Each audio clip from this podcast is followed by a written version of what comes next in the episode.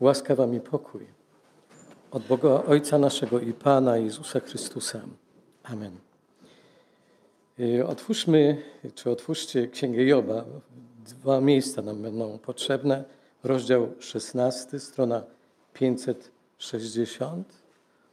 Rozdział 16, wiersz 19 i 20 a później z rozdziału 19, wiersze 25 do 27. Strona 560, rozdział 16, a później rozdział 19. Wiersz 19 i 21 czytam. Już teraz mam świadka w niebie i swego orędownika na wysokości. Moi przyjaciele naśmiewają się ze mnie, ku Bogu spogląda we łzach moje oko. I rozdział 19, wiersz 25 do 27. Lecz ja wiem, że Odkupiciel mój żyje i że jako ostatni nad prochem stanie. Że potem, chociaż moja skóra jest tak poszarpana, uwolniony od swego ciała, będę oglądał Boga. Tak, ja sam ujrzę Go i moje oczy zobaczą Go, nie kto inny. Moje nerki zanikają we mnie, za tym tęskniąc. Drogi Ojcze, dziękujemy Ci za to, że jesteś pośród nas. Dziękujemy Ci, że w swoim słowie nam przypominasz, kim, jak, kim Ty naprawdę jesteś. I przypominasz, że bez Ciebie tak naprawdę my jesteśmy zgubieni, straceni. Dziękujemy Ci, że nieraz pozwalasz, że dzieją się sytuacje trudne, kiedy możemy wyznać, że pomimo doświadczeń, trudności, kiedy wydaje nam się, że jesteśmy osamotnieni, to dajesz pewność, że Ty jesteś pośród nas. Panie, prosimy Cię, byś błogosławił i to słowo, aby to słowo mogło zapaść głęboko w naszych sercach. Przede wszystkim, Panie, chcemy Cię prosić, abyś Ty sam i spełniał te oczekiwania. Przede wszystkim, Panie, byś sprawiał, żeby każdy z nas uświadamiał sobie, że bez Ciebie tak naprawdę jesteśmy straceni. Oddajemy Tobie wszelką chwałę, a modlimy się o to, Ojcze, przez Pana Jezusa w mocy Świętego Ducha. Amen. Usiądźcie.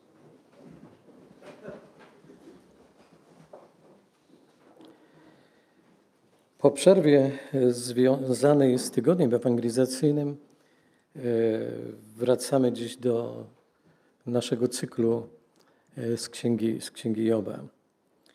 Ostatnio przyglądaliśmy się przyjaciółom Joba i tylko dla przypomnienia, kto z Was pamięta, jak się nazywali ci przyjaciele?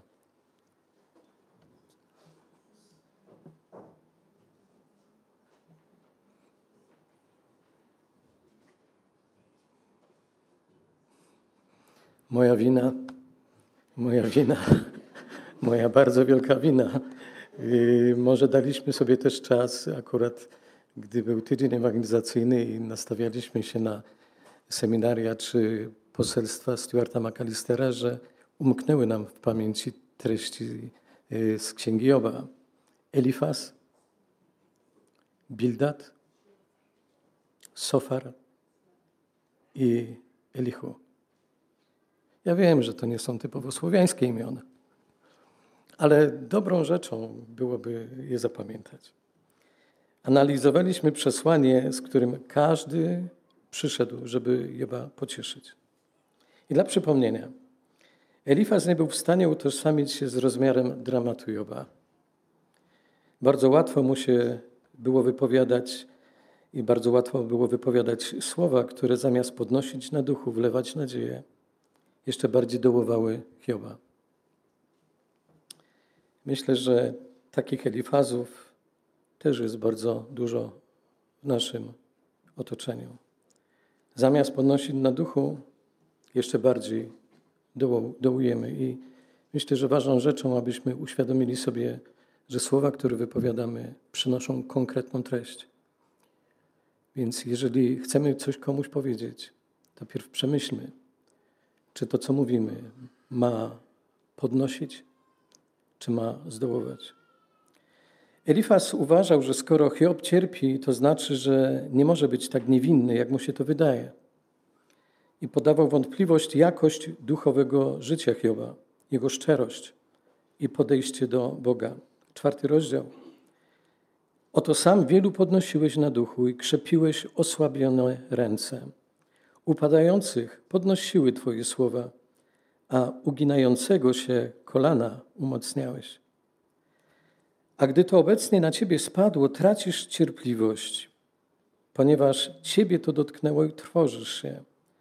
Czy Twoja bogobojność już nie jest Twoją ufnością, a Twoją nadzieją nienaganne postępowanie?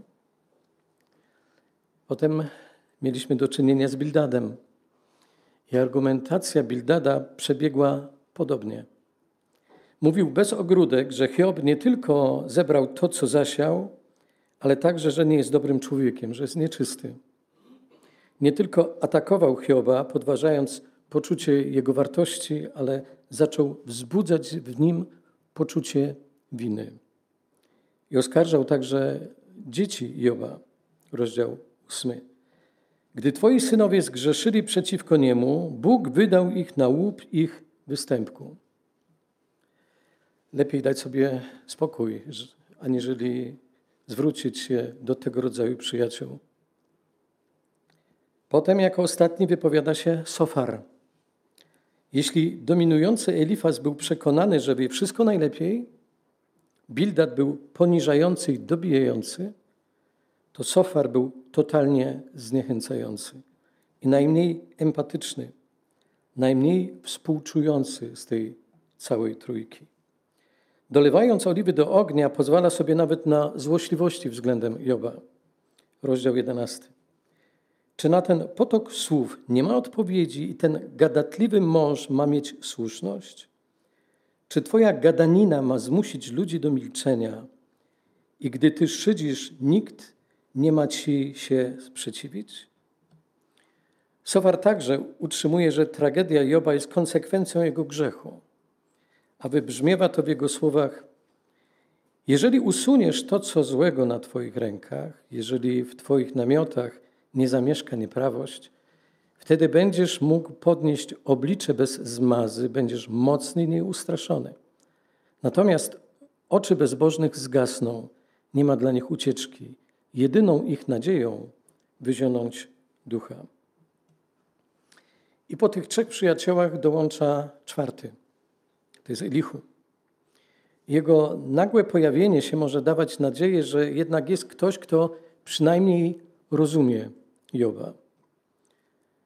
Kochani, nam dzisiaj łatwiej jest wypowiadać się na temat y, Księgi Joba, na temat tego, co się tam dzieje, ponieważ czytając Księgę Joba znamy prawdziwy powód cierpienia tego człowieka.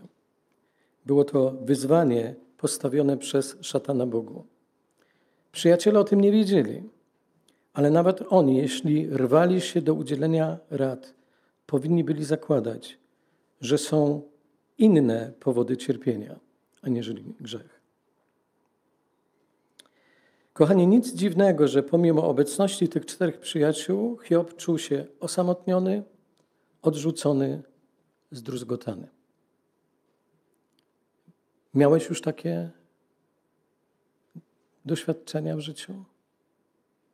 Pomimo, że miałeś ludzi, pomimo, że wypowiadali się na jakiś temat związany z Tobą, czułeś się zdruzgotany, osamotniony czy odrzucony.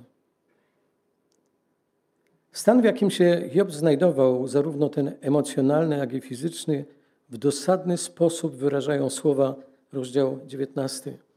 Moi bracia trzymali się, trzymają się z daleka ode mnie, a moi znajomi stronią ode mnie. Moi krewni opuścili mnie, a goście mojego domu zapomnieli o mnie. Domownicy i służebnice moje uważają mnie za obcego. W ich oczach stałem się cudzoziemcem. Gdy wołam na mego sługę, nie odzywa się. Sam muszę go błagać. Moim oddechem brzydzi się moja żona, jestem wstrętny, swoim rodzonym braciom. Nawet mali chłopcy mną gardzą. Gdy powstaję, urągają mi. Wszyscy moi powiernicy brzydzą się mną, a ci, których miłowałem, zwracają się przeciwko mnie. Kochani, życie pokazuje, że jeżeli ktoś pogrążony w bólu chce, chce mieć z kimś kontakt, to tylko z taką osobą, która go rozumie. Życie pokazuje, że jeżeli ktoś pogrążony w bólu chce mieć z kimś kontakt, to tylko z taką osobą, która go rozumie. Pewien umierający człowiek został zapytany o to, czego przede wszystkim szukał w ludziach, którzy mu pomagają. I powiedział: Szukałem kogoś, kto wygląda tak, jakby próbował mnie zrozumieć. Nie oczekiwałem wiele, ale kogoś, komu będzie zależało na tyle mocno, by przynajmniej spróbować. Niestety oprócz Elichu pozostali trzej przyjaciele Hioba w tym zakresie zawiedli.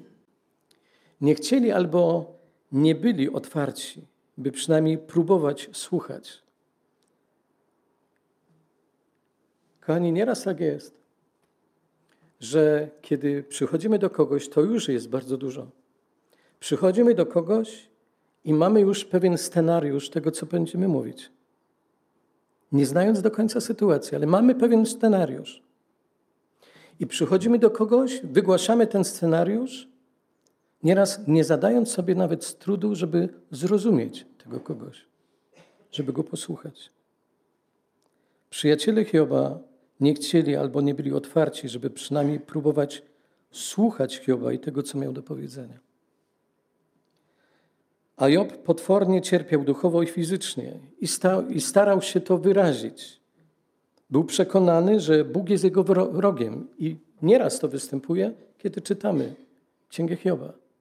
Był przekonany, że Job jest wrogiem Boga, że Bóg jest wrogiem Joba.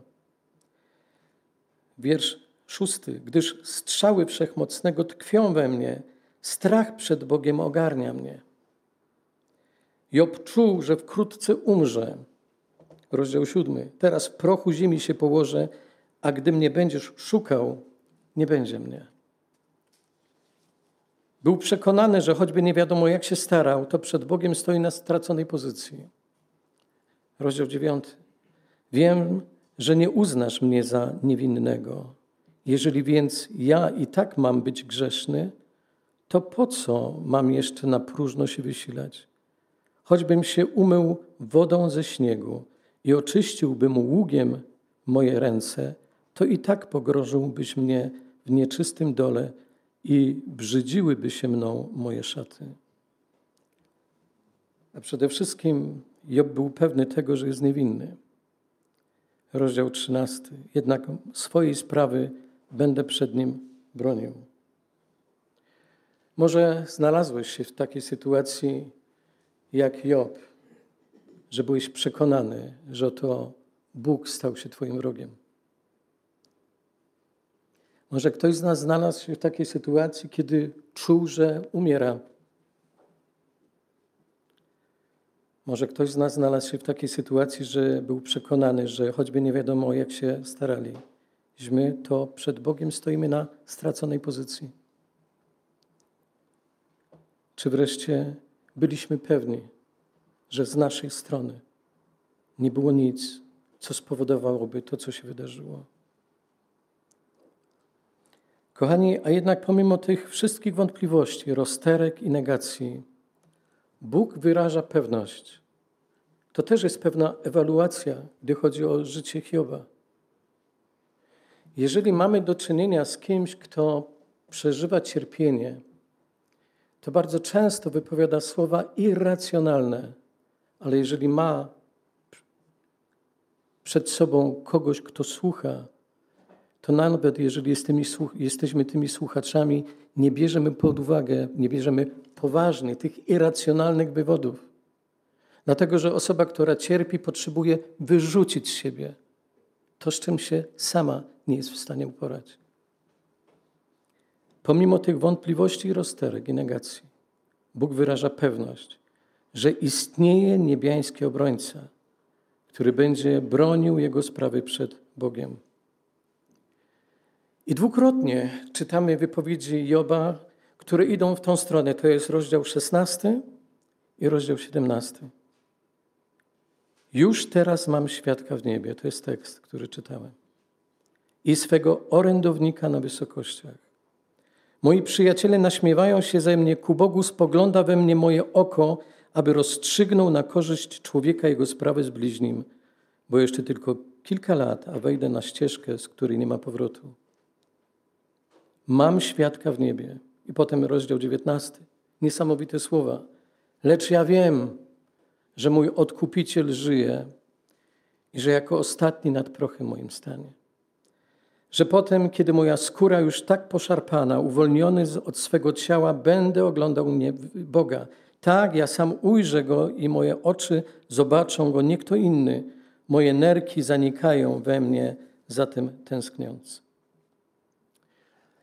Kochani, z jednej strony Job wie niewiele, ma wiele pytań, nie rozumie tego, co się wydarzyło, nie wie, dlaczego to się stało. Może znajdujesz się w takiej sytuacji, kiedy wiesz niewiele, kiedy masz wiele pytań, nie rozumiesz tego, co się wydarzyło i nie rozumiesz, dlaczego się to stało. Natomiast z drugiej strony Job jest pewien tego, co najważniejsze. Mój odkupiciel żyje.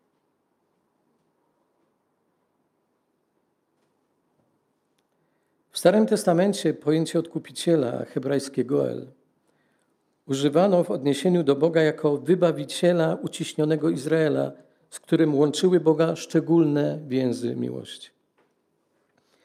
W czwartej Mojżeszowej 35 rozdziale pojęcia odkupiciel Goel użyto, gdy mówiono o tak zwanym mścicielu krwi. Był to bliski krewny zamordowanej osoby, którego obowiązkiem było znalezienie mordercy, wymierzenie mu należnej kary. Przykład działania, jeżeli tak można powiedzieć, instytucji Goela pięknie ilustruje nam księga Rut. Nie tylko Boaz pomaga Rut, ale nawet bierze ją później za żonę. Goel był kimś więcej niż tylko adwokatem, obrońcą czy wybawicielem. Był też osobą, którą, z którą łączyły bliskie więzy z tymi, którym pomagał. A forma czasownikowa tego słowa tłumaczona jest często jako brać w obronę. Uważa się, czy używa się jej by opisać Boże działania, kiedy Bóg wyrywa swój lud z niewoli lub z niebezpieczeństwa. Gdy idzie o Nowy Testament, słowem o bardzo zbliżonym znaczeniu jest słowo parakletos, który kojarzy nam się z Duchem Świętym. Jest położony nacisk, że chodzi o wstawiennictwo. Czy Goelem o którym wspomina Hiob, jest sam Bóg? Wielu biblistów uważa, że takie stwierdzenie byłoby nielogiczne, bo przecież Bóg występuje już w księdze Joba, ale jako sędzia. Wielu jednak uważa, że w tym wypadku mamy do czynienia z obrońcą, którym jest Pan Jezus. Największy arcykapłan o którym czytamy w liście do Hebrajczyków, rozdział czwarty.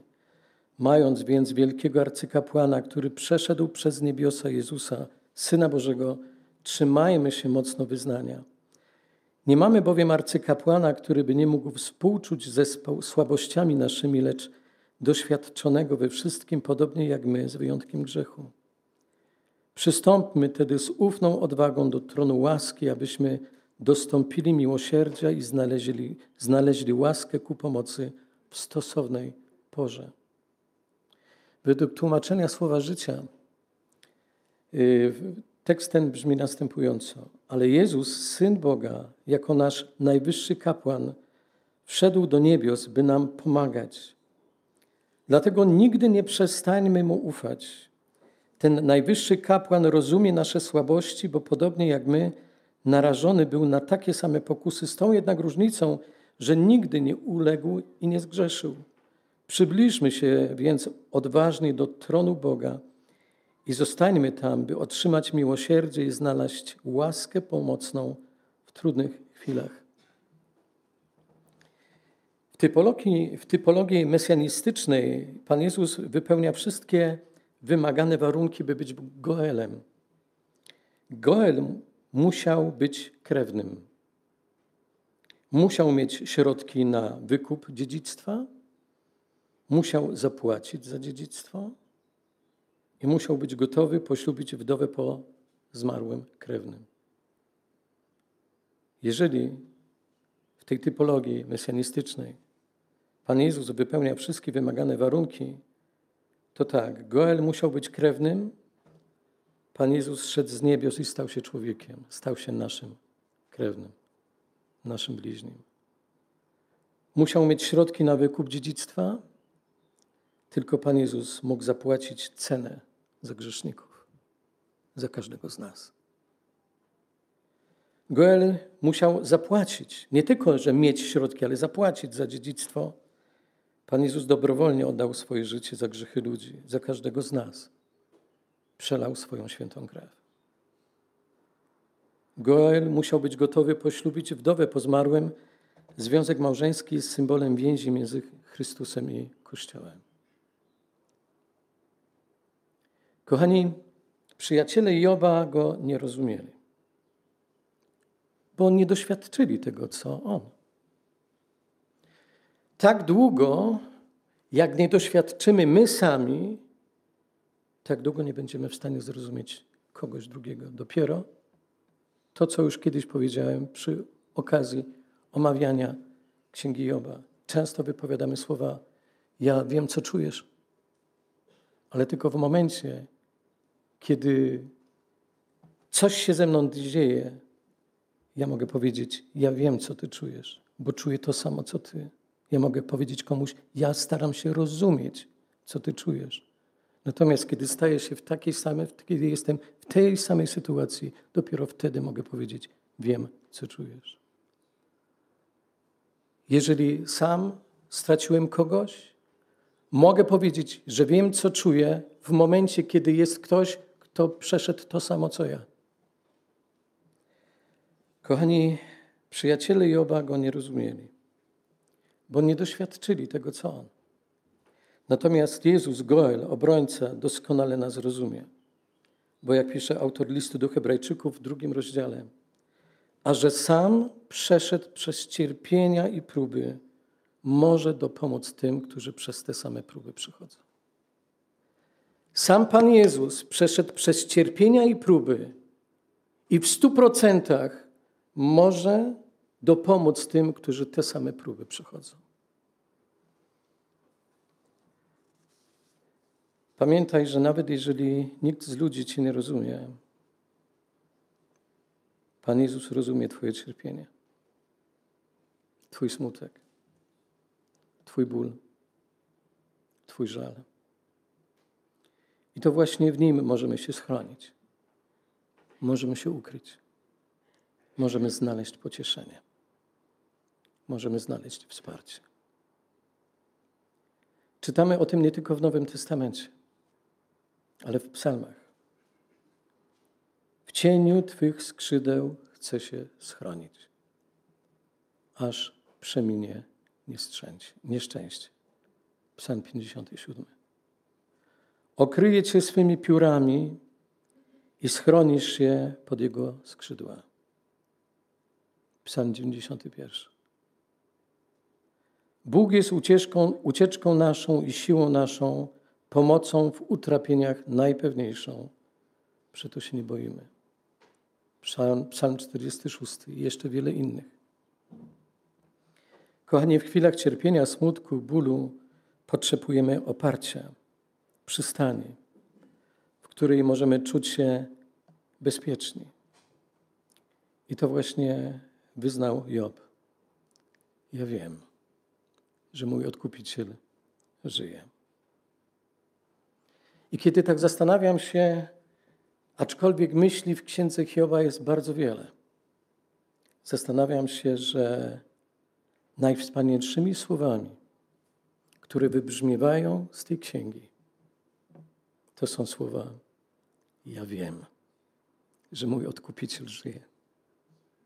Pomimo wszystko, pomimo okoliczności sytuacji, wbrew okoliczności, wbrew logice, ja wiem, że mój odkupiciel żyje. Słowa, które dają siłę na dzisiaj, cudowną nadzieję na przyszłość. Ja wiem, że odkupiciel mój żyje i że jako ostatni nad prochem stanie.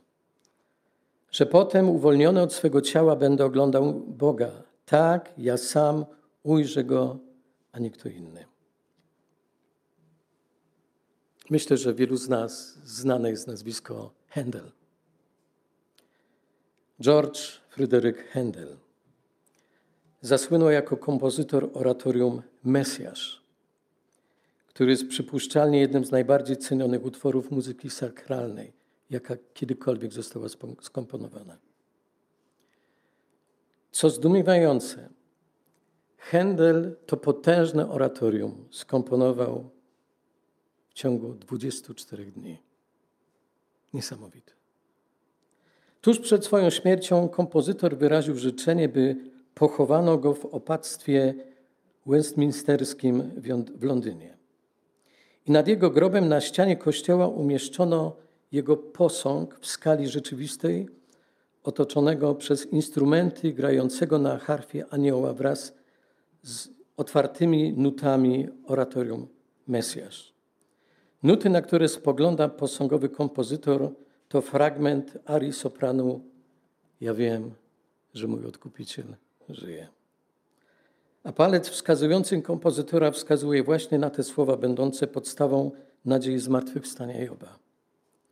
Tekst tego inspirującego dzieła muzycznego właśnie został zaczerpnięty z Księgi Joba z rozdziału 19, wiersze 25-26 i z pierwszego listu do Koryntian z 15 rozdziału.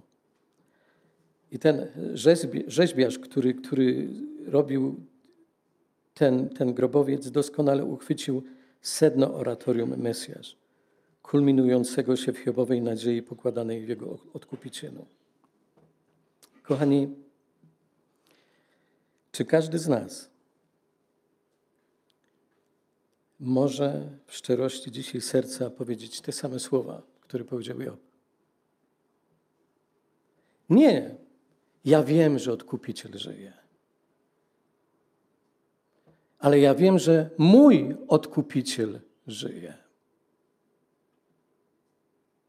Bo to jest tak samo, jak kiedy do Pana Jezusa przyszli uczniowie i rozmawiają, i w pewnym momencie Pan Jezus stawia im pytanie: za kogo ludzie mnie uważają? I łatwo jest przytoczyć wypowiedź kogoś, z którym się nie utożsamiam, bo jeżeli nie wstrzelę się w oczekiwania, zawsze mogę powiedzieć: to nie jest moja opinia. I kiedy Pan Jezus słuchał tego wszystkiego, co uważali wielu ludzie o nim, staje bardzo, stawia bardzo konfrontujące, konkretne, wąskie pytanie: A wy za kogo mnie uważacie? A więc tu nie chodzi o postawienie pytania czy stwierdzenia: Ja wiem, że odkupiciel żyje, ale czy każdy z nas może w szczerości serca powiedzieć słowa: Ja wiem, że mój odkupiciel żyje i że kiedyś stanie nad moim prochem. Czy możemy potraktować te słowa jako swoje wyznanie? Ja wiem, że mój odkupiciel żyje. Wiesz to? Masz tego pewność? Jesteś w stu procentach pewny? Czy nie wiadomo do końca? Ja wiem, że on żyje, ale pytanie, czy ja wiem, że mój odkupiciel żyje. Pomyśl o tym. Gdy będziemy teraz w ciszy słuchać właśnie tego fragmentu oratorium Mesjasz, ja wiem, że mój odkupiciel żyje. Niech Was Bóg błogosławi. Amen.